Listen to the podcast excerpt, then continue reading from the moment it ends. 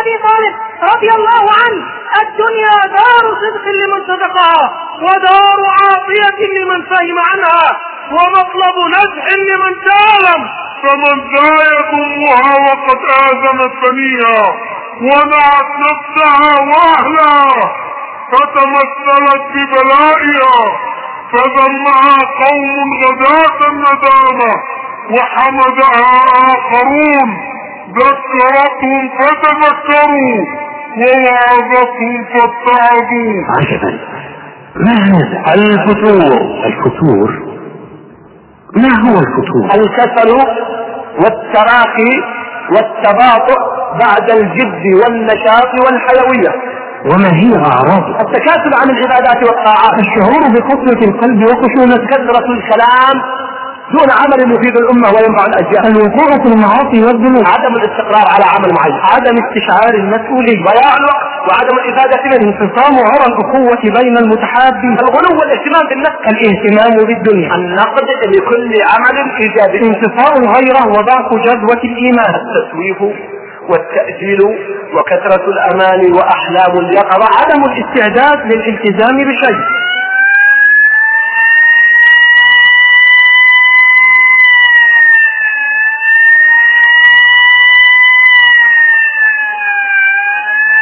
خطير. خطير. إنه حق خطير. ترى ما هي؟ الأسباب عدم الإخلاص في العمل ضعف العلم الشرعي. تعلق القلب بالدنيا فتنة الزوجة والأولاد. الحياة في الأجواء الفاسدة. مصاحبة أصحاب الهمم الضعيفة المعاصي والمنكرات وأكل الحرام. عدم وضوح الهدف. ضعف الإيمان بالهدف أو الوسيلة. عدم الواقعي الجهل بالعقبات والمعوقات. الفردية الجمود في أساليب الدعوة ومراحل العمل. الانحراف عن مسار العمل الصحيح. عدم استشعار التحدي. ضعف التربية. عدم التجانس بين الموهبة والعمل. اختلاف البيئة. طول الأمل وقلة المعين والناصر الأوهام. أمراض القلوب الشهوة الخفية التقصير في العبادة. الحزبية والتعصب المجاملة وعدم المناصحة وعدم المصارحة. عدم الاستقرار على برنامج أو عمل. الخلاف بين طلاب العلم والخصام بين الدعاة. التشكيك وإرجاف المنافقين. الغفلة عن السنن الإلهية في الأمم والأفراد النظر لمن هو أدنى في الطاعة. وقوع الشخص في معصية تحرجه أمام أقرانه الفتور في علاج الفتور. هذه مشكلة. هذه مصيبة. إنه مرض خطير. ما هو العلاج؟ تعاهد الإيمان وتجديده. الإخلاص والتقوى. تصفية القلوب. طلب العلم والمواظبة على الدروس. الاهتمام بمنهج التلقي. تأصيل المنطلقات والعمل وفق الكتاب والسنة. فقه الواقع. الوسطية تنظيم الوقت ومحاسبة النفس. لزوم الجماعة تعاهد الكافرين التربية الشاملة المتكاملة. تنويع العبادة والعمل. القدوة الصالحة. الإكثار من ذكر الموت. الصبر والمثابرة. نقد الذات ومراجعة الأعمال. النظر في سير الأنبياء والمصلحين. الدعاء تسجيلات التقوى تقدم الفتور. الفتور محاضرات للشيخ ناصر ابن سليمان العمر. والآن مع المحاضرة السابقة وهي عن علاج الفتور. بسم الله الرحمن الرحيم. إن الحمد لله نحمده ونستعينه ونستغفره ونتوب إليه. ونعوذ بالله من شرور أنفسنا ومن سيئات أعمالنا. من يهده الله فلا مضل له ومن يضلل فلا هادي له. وأشهد أن لا إله إلا الله وحده لا شريك له وأشهد أن محمدا عبده ورسوله صلى الله عليه وعلى آله وصحبه وسلم تسليما كثيرا. يا أيها الذين آمنوا اتقوا الله حق تقاته ولا تموتن إلا وأنتم مسلمون. يا أيها الذين آمنوا اتقوا الله وقولوا قولا سديدا.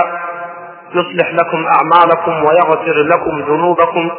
ومن يطع الله ورسوله فقد فاز فوزا عظيما. أما بعد أيها المؤمنون فسلام الله عليكم ورحمته وبركاته.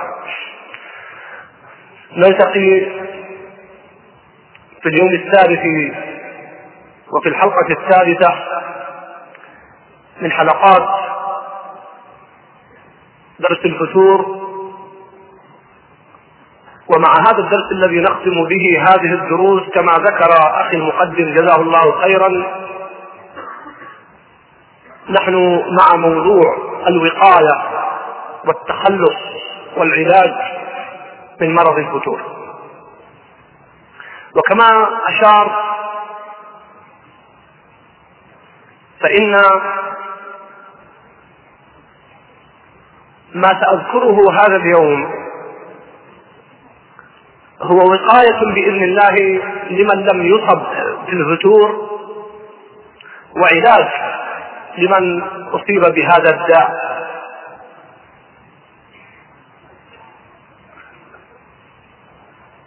ولذلك وكما ذكرت بالأمس وقبل الأمس وسائل العلاج كثيرة. وسأجتزئ على أهمها وأغلبها مع التفصيل في بعضها والاختصار في بعض الآخر. ولذلك فأقول أيها الأخوة من خلال الدرسين الماضيين عرفنا خطورة هذا المرض وعرفنا شيوعه وانتشاره في أوساط عدة وهنا يأتي السؤال ما العلاج؟ أقول مقدمة لا بد منها ونحن نتحدث عن العلاج. النقطة الأولى أنه لا يمكن لأحد أن يفيد من العلاج إلا إذا كان قد اقتنع بخطورة المرض. أما الذي لم يقتنع بعد بخطورة هذا المرض فإن العلاج لا يفيده وأذكر أن عددا من المرضى يأتي بهم أهلهم أو يجبرونهم على الذهاب إلى الطبيب وهم لم يقتنعوا بأنهم مرضى. فما الذي يحدث؟ يأخذ العلاج. ولكن بعد أن يغادر الطبيب يرمي العلاج في أقرب مكان لرمي المخلفات. لأنه لم يقتنع أنه مريض. ولذلك فإن القناعة بالمرض أو بخطورة المرض هي البوابة الرئيسة للعلاج. والمسألة الثانية أن الأسباب التي ذكرتها بالأمس المدخل للعلاج بالوقاية من الأسباب. وأعتقد أنني لو اكتفيت بهذه الكلمة لكان فيها الخير والبركة. إذا اتقينا الأسباب فإننا بإذن الله وصلنا إلى العلاج. ولكن لأنه لا بد من التركيز ولا بد من التنبيه فسأحاول أن أقف على بعض النقاط الرئيسة فيما يتعلق بالعلاج ولذلك ستلحظون أن بعض وسائل العلاج هي انعكاس للأسباب. فلا تستغربوا ذكرها بالأمس وذكرها باليوم لأن ذكرها بالأمس من وجه وذكرها وذكرها اليوم من وجه آخر. كما قلت إنني ذكرت باليوم الأول المظاهر من وجه واشتركت مع الأسباب وهذا أمر طبيعي. أن يكون للأمر أكثر من وجه. هذه إذا مقدمة لا بد منها فيما يتعلق بالعلاج.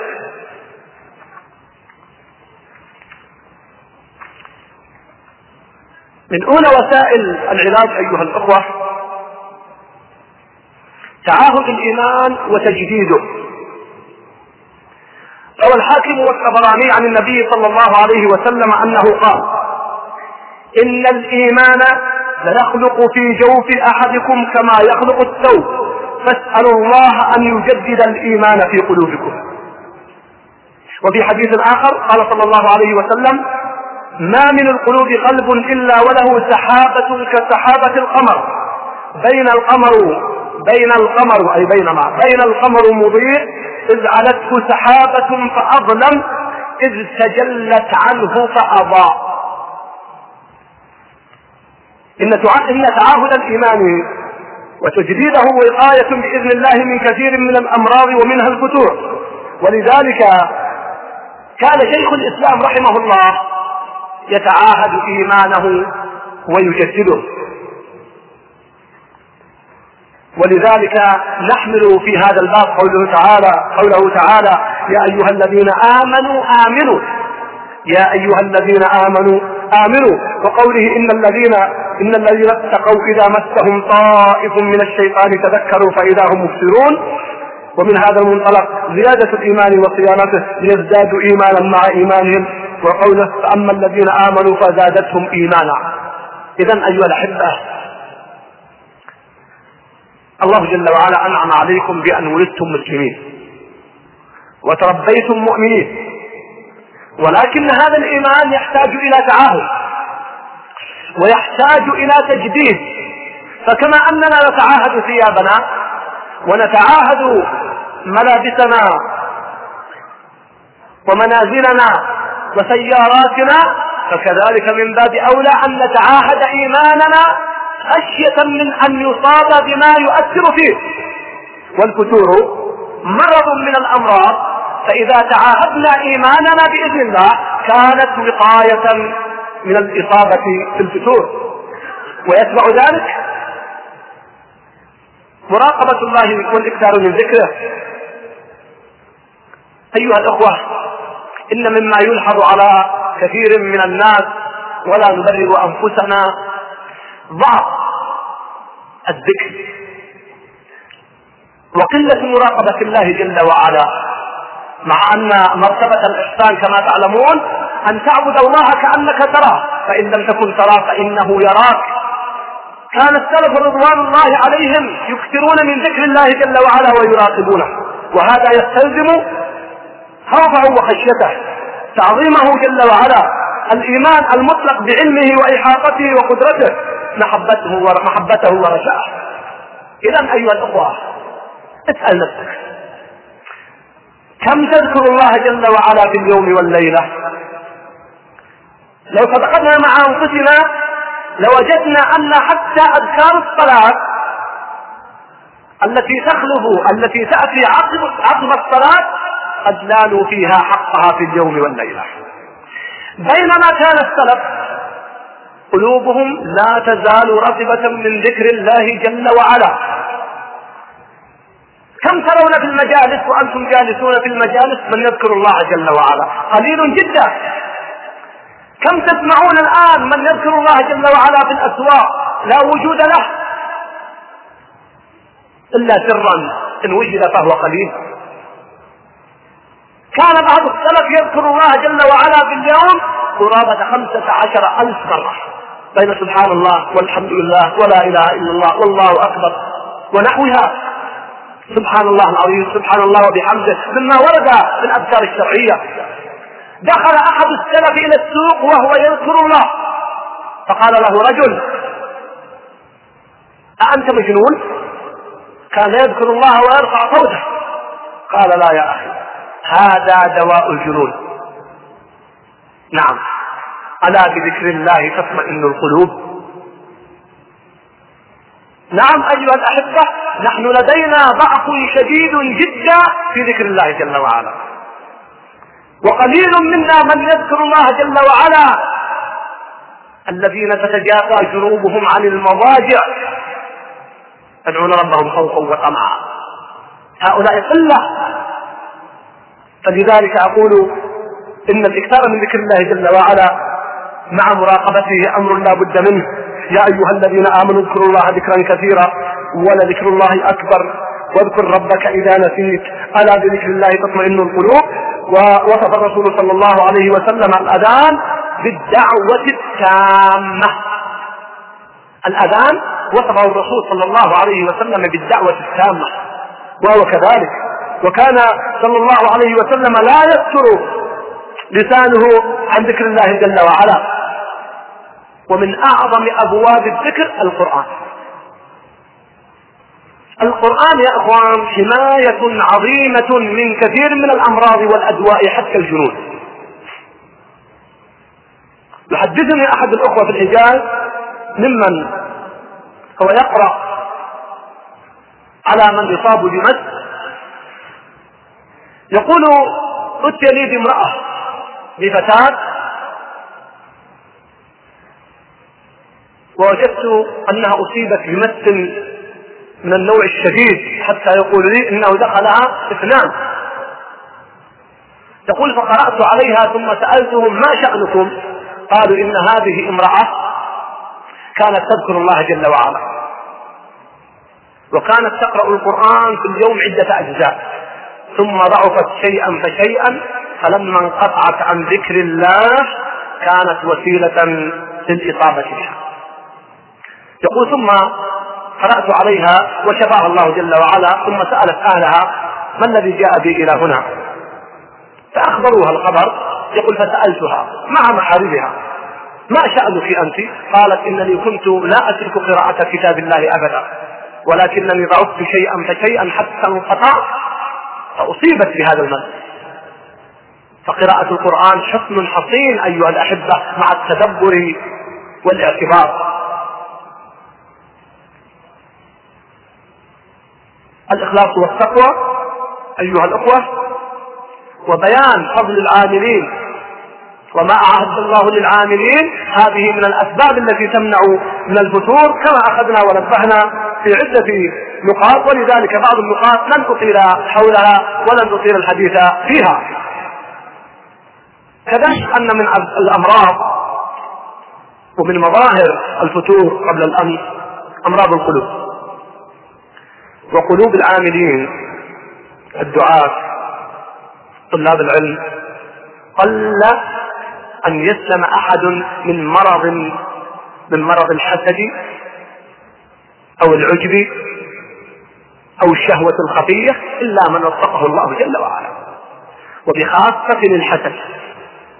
والعلماء قديما تحدثوا كثيرا عن الإصابة بداء الحسد.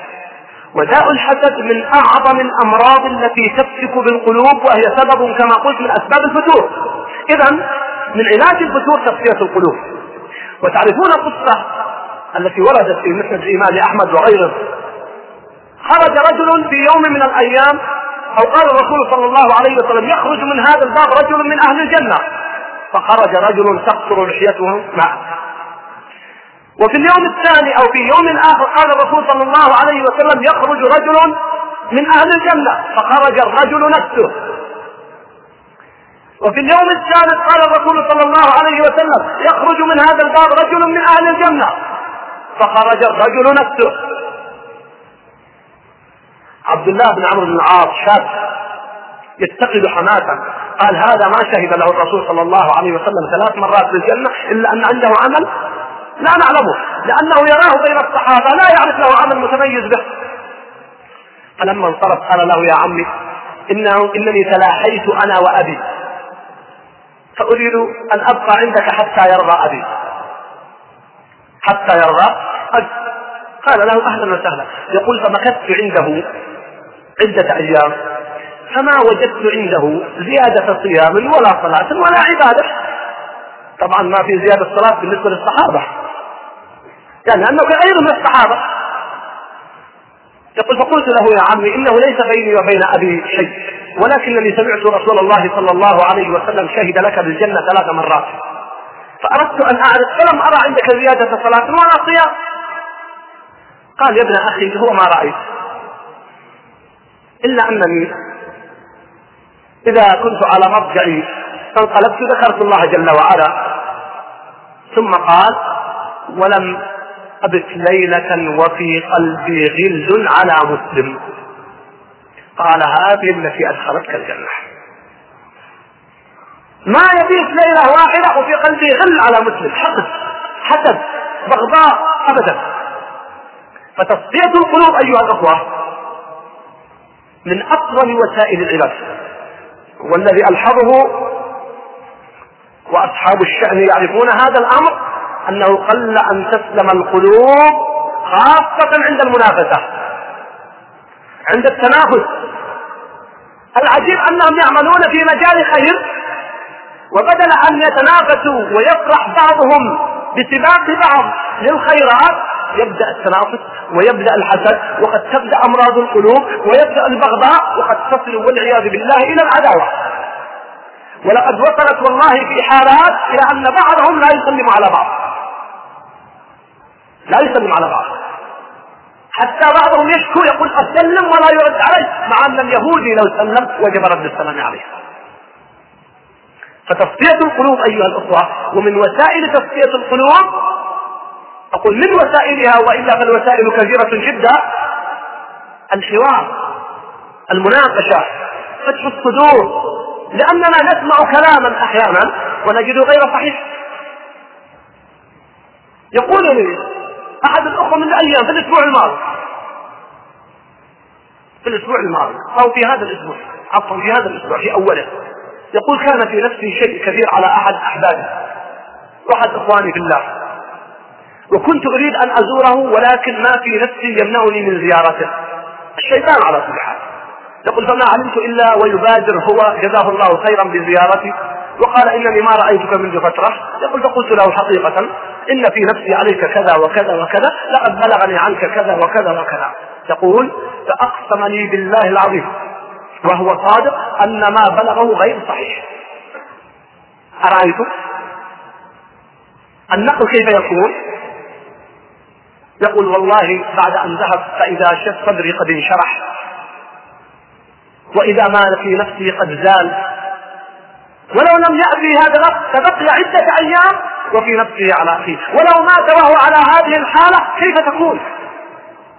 فلذلك تصفية القلوب أيها الأخوة فمن يريد الله به ومن يريد الله أن يهديه يشرح صدره للإسلام. ومن يريد أن يضله يجعل صدره ضيقا حرجا كأنما يصعد في السماء. ولا تجعل في ومن دعاء المؤمنين ولا تجعل في قلوبنا غلا للذين آمنوا. ولذلك أيها الأخوة فأقول إن انشراح الصدر من وسائل النشاط لماذا؟ ما علاقته في الفتور؟ واضح جدا كما بينت الأمس الإنسان إذا امتلأ قلبه على إخوانه وامتلأ بأمراض ثقل عليه العمل وثقلت عليه العبادة وثقلت عليه الصلاة وثقلت عليه الدعوة واستوحش من إخوانه أما إذا كان صافي القلب إذا كان مطمئن القلب إذا كان سليم الصدر يكون نشطا ولذلك أمر الرسول صلى الله عليه وسلم صحابته ألا يحدثوه عن أصحابه ليبقى صدره منشرحا صلى الله عليه وسلم. وهو رسول الله صلى الله عليه وسلم. ولذلك قال الله جل وعلا ممتنا على نبينا صلى الله عليه وسلم ألم نشرح لك صدرك؟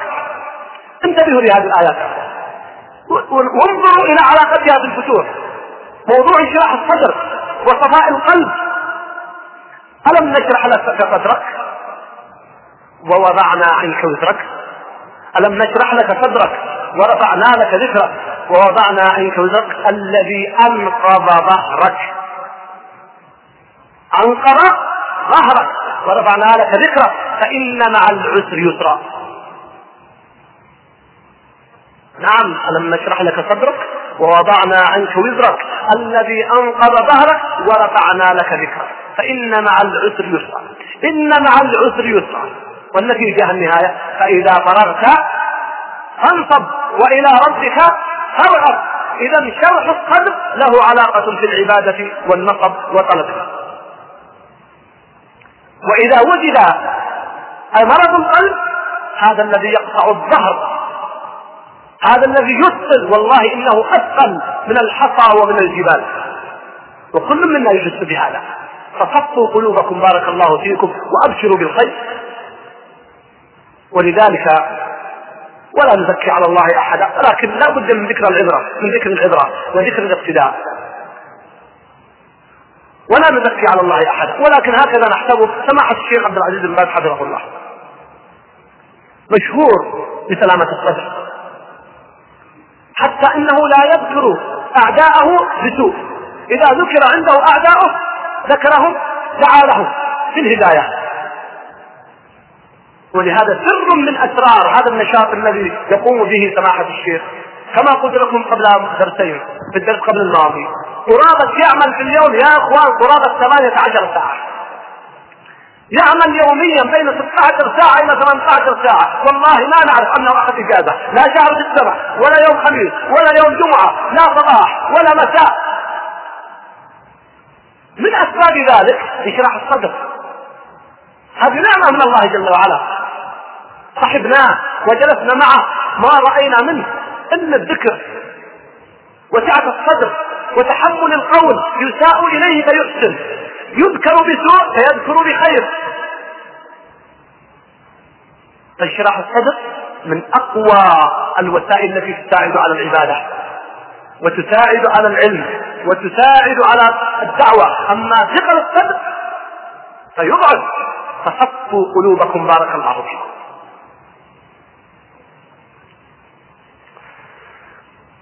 أيضا طلب العلم والمواظبة على الدروس وحلق الذكر والمحاضرات. وكما قلنا إنما يخشى الله من عباده العلماء. قل هل يستوي الذين يعلمون والذين لا يعلمون؟ يرفع الله الذين آمنوا منكم والذين أوتوا العلم درجات. العلم نور. العلم ضياء. العلم الشرعي من الوسائل التي تعين وتساعد على هذا الجانب. ومن هنا أقول إن مما يعين ويقي من الفتور وقاية بالأصل الاهتمام بمنهج التلقي. الاهتمام بمنهج التلقي. ويتبع هذا عنصر آخر تأصيل المنطلقات والعمل وفق الكتاب والسنة. لماذا؟ لأن الإنسان أيها الإخوان إذا عمل إذا عمل عملا ومضى عشر سنوات أو خمسة عشر عاما أو عشرين سنة ثم اكتشف أنه يسير على خطأ. أنه يسير على انحراف. قليل أولئك الذين يعودون إلى فترة نشاطهم وقوتهم. يصاب بفتور وتأثر كيف مضى عمره وهو في ضياع. أما إذا كان المنهج سليما أما إذا كان منهج التلقي معطلا أما إذا كانت أعماله التي يقوم بها وفق الكتاب والسنة فإنه كلما تقدم به الزمن ازداد انطلاقا وقوة. ازداد انطلاقا وقوة ونشاطا أما إذا اكتشف بعد سنوات قد يكتشف بعد عشر أو خمس أو عشرين أو أقل أو أكثر أنه كان يسير على الشراء أو أنه يسير على خطأ هذا يصاب بتعب نفسي. ويصاب بمرض ويصاب بثقل أحسن أحواله أن يبقى صالحا. إلا النادر. والنادر لا حكم له. الاهتمام بمنهج التلقي وتحصيل المنطلقات وقاية بإذن الله. لماذا أقول هذا؟ لأنني أعرف أن كثيرا من الناس الآن لم يؤصلوا المنطلقات التي هم فيها. وجدوا الناس يعملون فعملوا. قيل له اعمل كذا فعمل. دون أن يستغفر هل هذا العمل الذي يعمله وفق الكتاب والسنة؟ هل هو على منهج السلف الصالح أو لا؟ وبعد أن يكبر وبعد أن تمضي السنوات قد يكتشف أنه كان يسير في خطأ وفي ضلال وانحراف والعياذ بالله. الاهتمام بمنهج التلقي وتأصيل المنطلقات مما يقي بإذن الله من الفتور. من ما يقي من الفتور فقه الواقع. ما دخل فقه الواقع في الفتور نعم له دخل عظيم وأشرت إلى هذا في الأمس. أشرت إلى هذا. فقه الواقع هو أن يفقه الإنسان ما يجري حوله. ما يكون في عالم منعزل. وفقه الواقع يعني باختصار الآن أن نعلم المؤامرات التي تحاك في الزنا. ولست ممن يحب أن يرخم قضية المؤامرات. ولست أحب ولست ممن يحب أن يقول إن كل ما أصابنا من أعدائنا لا والله. لأن الله جل وعلا يقول ولما أصابتكم مصيبة قد أصبتم مثليها. قلتم أن هذا قل هو من عند أنفسكم. لكن أيضا يجب أن نعرف حدود أعدائنا. فالذي يفقه الآن واقع المسلمين. الذي يفقه الآن ما يكاد للمسلمين في مشارق الأرض ومغاربها. الذي يدرك الآن ما يكاد لنا في بلادنا هذا. كما قلت لكم لأننا ننعم بالأمن وننعم بالصحة وننعم بالمال وننعم بنعم عظيمة. الأعداء لا يرضون والله. لا يرضون أن نبقى على ما نحن عليه. فإذا فقدنا ما يجري حولنا كيف نكفر؟ كما قلت لكم بالأمس. كيف يستطيع أن ينام الإنسان قرير العين والنصوص عند الباب؟ كيف يمكن أن ينام الإنسان مرتاح مطمئن؟ وأعداؤه ممكن أن يقتحموا البيت في أي لحظة؟ ما يمكن يا أخي الكريم. ما يمكن أبدا. لا يمكن هذا لعاقل. إذا كذلك لما عندما نفقه الواقع ونجعل ما يجري الآن لقضايا المسلمين والمؤامرات التي تحاك بكرة وعشية. حتى سواء أعداؤنا من الداخل أو الخارج هناك يا أخوان من يتكلمون بلغتنا وهم من بني جلدتنا وبعضهم قد يصلي معنا ولكنهم في الحقيقة يكيدون كما قلت ويتآمرون ولهذا فأقول إن فقه الواقع سبب بإذن الله من أسباب الوقاية من الفتور. ذلك أن إدراك المسلم لواقعه وما يجري فيه. وفقهه لهذا الواقع بما فيه من مآسي وما يتطلبه من جهود وعمل متواصل يبعد عنه أي فتور أو تراخي. إن كان في القلب إيمان وإسلام فكيف يركن المسلم للدعة وهو يرى أمته يحيط بها الأعداء؟ ويتنادون من كل حدب وصوب للإجهاد عليها والعبث في أراضيها وخيراتها. كيف يتراخى وهو يشاهد بلاد المسلمين مستباحة من قبل اليهود والنصارى ومن أفغانستان إلى البوسنة والهرسك إلى الصومال وقبل ذلك فلسطين والفلبين وأريتريا وزنجبار؟ هل يمكن لطبيب محترم أن ينام ملء جفونه وهو يرى رجلا مضرجا بدمائه؟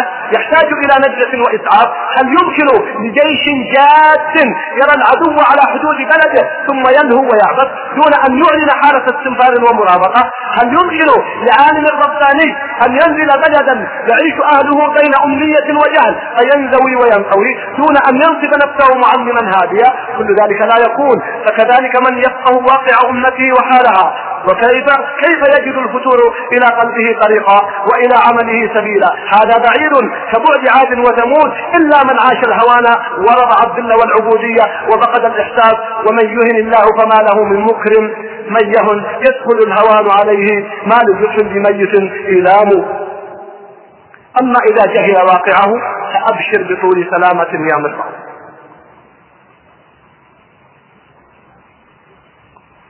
مما أقف معه وهو علاج رئيس للفتور قبل الوقوع به هو الوسطية. قلت لكم بالأمس إن من أسباب الفتور عدم الواقعية إما غلو أو جفاء أو إفراط أو تفريط. الوسطية علاج رئيس من علاج الفتور يقول الله جل وعلا وكذلك جعلناكم أمة وسطا. والوسطية من سمات هذه الأمة كالخيرية كنتم خير أمة أخرجت للناس.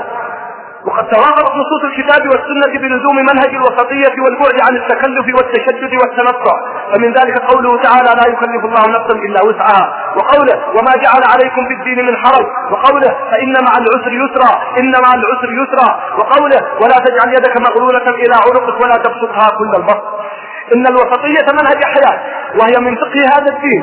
ذلك أن الالتزام بها ضمانة لتجاوز المحن والابتلاءات. فيصبح لدى المسلم قدرة عجيبة فيصبح لدى المسلم قدرة عجيبة لتجاوز الفتن والشدائد وذلك بإعماله النصوص الشرعية في مواضعها ومراعاة تغير الأمكنة والأزمان والأحوال دون إخلال بأصول هذا الدين اضطرابا أو جمودا ومن يريد الله به خيرا يفقهه في الدين. إن الوسطية أيها الأخوة أيها العاملون أيها الدعاة منهج شرعي. وعندما نقول الوسطية لا أقصد كما يتصور البعض هو الوسط. لا أقصد الوسط الشرعي لا الوسط العرفي الآن. الوسط الشرعي هو القمة في كل شيء. لكنه لا يصل إلى حد الغلو ولا ينزل إلى حد التفريط أو الإفراط انظر إلى اعمالك. ووازن بارك الله فيك في متقلباتك. إن لربك عليك حقا. ولنفسك عليك حقا. ولأهلك عليك حقا. فأعطي كل ذي حق حقه أو كما قال صلى الله عليه وسلم. هل نعطي نحن كل ذي حق حقه الحقيقة هناك مبالغة كما قلت. وتجاوز وهذا نهايته إلى الفتور أو أبعد من ذلك. أما الوسطية فإنها ضمانة من الضمانات التي تنقذنا من الفتور. اعرضوا أعمالكم يا أحبابي على المنهج الشرعي. هل هي متمشية مع المنهج الوسطي أو لا؟ انظر إلى صلاتك إلى عبادتك وأقصد صلاتك بالنوافل. الوسطية في النفقة ولا تجعل يدك مغلولة إلى عنقك ولا تبسطها كل البسط. خذوا مثال. جاء رجل إلى الرسول صلى الله عليه وسلم ومعه درة من الذهب. فأعطاها الرسول صلى الله عليه وسلم. فأعرض الرسول صلى الله عليه وسلم عنه بوجهه. فجاء من تلقاء وجهه في الوجه الجهة الأخرى. فأعرض عنه الرسول صلى الله عليه وسلم. ويريد أن يهديها للرسول صلى الله عليه وسلم. فجاء من جهته الثالثة. فأخذها الرسول صلى الله عليه وسلم منه. وضربه بها. قال الصحابي لو أصابته لشجته ثم قال يأتي أحدكم بما يملك ثم يقعد. يقول لو أنني ولو أنني. أرأيتم؟ كيف يربي أمته على الوسطية هذا ما عنده إلا قطعة هذه الذهب. درة من الذهب. وجاء يتبرع بها. ما قبل منه الرسول صلى الله عليه وسلم. لماذا ما قبل منه؟ لأن الرسول صلى الله عليه وسلم الملهم الموحى إليه عرف أنه لو أخذها منه ماذا سيحدث لهذا الرجل؟ إذا ذهب إلى بيته سيقول والله يا ليتني تبرعت بنصفها وخليت نصفها أه والله لا خليت عيالي ربعها. فيبقى في ندم. ما يستطيع يقول الرسول رجع لي هديتي. ولا يستطيع يقاوم هذه النزعة عنده. فرماه الرسول صلى الله عليه وسلم بها حتى كادت أن لو أصابته لشجت أي لأسالت الدم من رأسه؟ وما أراد الرسول صلى الله عليه وسلم أن يصيبه. إذا هو دله على الوسطية. لما جاء الصحابي الجليل سعد بن أبي وقاص وأراد في مرض موته أن يوصي بماله قال الرسول صلى الله عليه وسلم لا.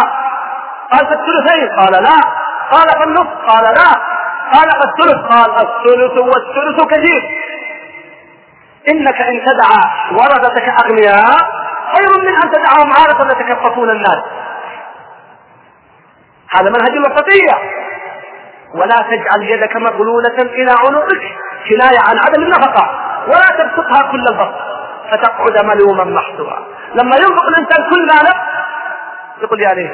لو أنا خليت شوي. لو فعلت. قد يقول لي قائل كيف نجمع بين هذا القول وبين أبو بكر رضي الله عنه؟ في أكثر من مرة يخرج من كل ماله. أبو بكر أكثر من مرة يطلب يطلب الرسول صلى الله عليه وسلم التبرع فيقول عمر في يوم من الأيام قلت هذه المرة سأسبق أبا بكر. هذه المرة لا مرة واحدة. عمر يتمنى أن يسبق أبا بكر ولو مرة واحدة. يقول فجئت بنصف مالي. طبعا نصف ما سهل. نصف ما سهل. لا والله ما هو سهل. أمس طلبنا تبرعات للإخوان في مكتب سموه الحقيقة ربما لوجود جنازه أو لسبب آخر. ما جاء إلا مبلغ يسير جدا. مع انه لو تبرع الموجودين كل واحد عشر ريالات لجاءت أضعاف ما جاء المبلغ الان فعمر جاء بنصف ماله بشطر ماله. يقول فما علمت إلا أبو بكر قد جاء بكل ماله. يقول قلت لا أنازعك ابدا. ما يمكن يسابق أبو بكر بعد اليوم. لكن أقول كيف نجمع بين هذا؟ نعم. إذا صار إيماننا كإيمان أبي بكر أهلا وسهلا. لكن إيمان أبو بكر لو وزن إيمان الأمة كاملة. بإيمان أبي بكر لوزنهم أبو بكر. رضي الله عنه. ولذلك يجب أن نتحرك على حدودنا وعلى طاقتنا. اللي يقدر يدفع 10000 يدفع 10000 واللي 1000 1000 واللي 100 100 واللي 10 ريالات 10 ريالات واللي ريال ريال. وبعد ذلك كان نفس الريال ما في مانع المرة لا يتبرع. إن شاء الله مرة ثانية تكون خير أدفع ريالين. نعم يا أخوان. الوسطية في التعامل. كما قلت لكم الوسطية أيضا في الدعوة إلى الله. إهمال الأهل والانطلاق في الدعوة والتقصير في حقوق الوالدين هذا خلاف الوسطية. أو المبالغة في حقوق الأولاد والزوجة والاهل وترك حق الله جل وعلا من العبادة والصلاة والدعاء. هذا خلاف الوسطية. الوسطية التوازن في جميع شؤون الحياة وقاية بإذن الله من الفتور. أما الذي غير متوازن سرعان ما يكثر ويخفو. فالله الله في منهج الوسطيه من الوسائل أيها الأخوة تنظيم الوقت ومحاسبة النفس. تنظيم الوقت من أفضل الوسائل ومن أعظم الوسائل لعدم الفتور وأنصح الشباب بصفة خاصة من الآن أن يبدأوا في تنظيم أوقاتهم بدقة. وتنظيم الوقت عندنا خلل في تنظيم الوقت يا أخي. الواحد منا إذا حضر مثل اليوم هذا الدرس قال الحمد لله هذا يكفي هذا اليوم يمكن يكفي الأسبوع كله. لا يا أخي. لا. تنظيم الوقت أن تسأل نفسك سؤال كم ضيعت في اليوم من ساعة؟ نحن عندنا خلل. نسأل أنفسنا. هذا جيد منا بعض. هذا جيد. يسأل نفسه كم استفدت اليوم؟ أقول والله استفدت اليوم الحمد لله ثلاث ساعات أربع ساعات. ما شاء الله. هذا خير عظيم. لا يا أخي الكريم. أنت استفدت ثلاث ساعات لكن كم ضيعت؟ الوقت 24 ساعة. إذا قلنا ثلاث ساعات استفدت منها وأخذنا للعمل ست ساعات وأخذنا للصلاة ساعتين وأخذنا للنوم ست ساعات فيبقى عندك في النهاية يمكن ضيع خمس ست ساعات. ولذلك لا تسأل نفسك كم استفدت في اليوم لا. اسأل نفسك كم ضيعت. فتكتشف إنك اليوم ضيعت ست ساعات. والله صح. بكرة إن شاء الله تصبح خمس ساعات. بعد أسبوعين تصبح أربع ساعات. بعد شهر تصبح ساعتين. بعد وترة تصبح ساعة. والله أقول لكم وهذه تجربة جربها جربها كثير من إخوانكم. يأتي الوقت الذي تشعر أنك ما أضعت ساعة ولا نصف ساعة في اليوم. سيأتي الوقت الذي والله تحاسب فيه نفسك على وقت الأكل مع أولادك ومع أهلك. لكن متى هذا؟ بعد الجد بعد التعويض بعد إرغاب النفس. أما نحن ما شاء الله في التفنن في تضييع الأوقات حدث ولا حرج. تريدون أعطيكم مثال؟ مثال واحد. كم واحد منكم الليلة معزوم؟ وتجد أنه مكتفي هذه الليلة بهذه العزيمة. يا أخي الآن نحن ننتهي من الصلاة السابعة والنصف.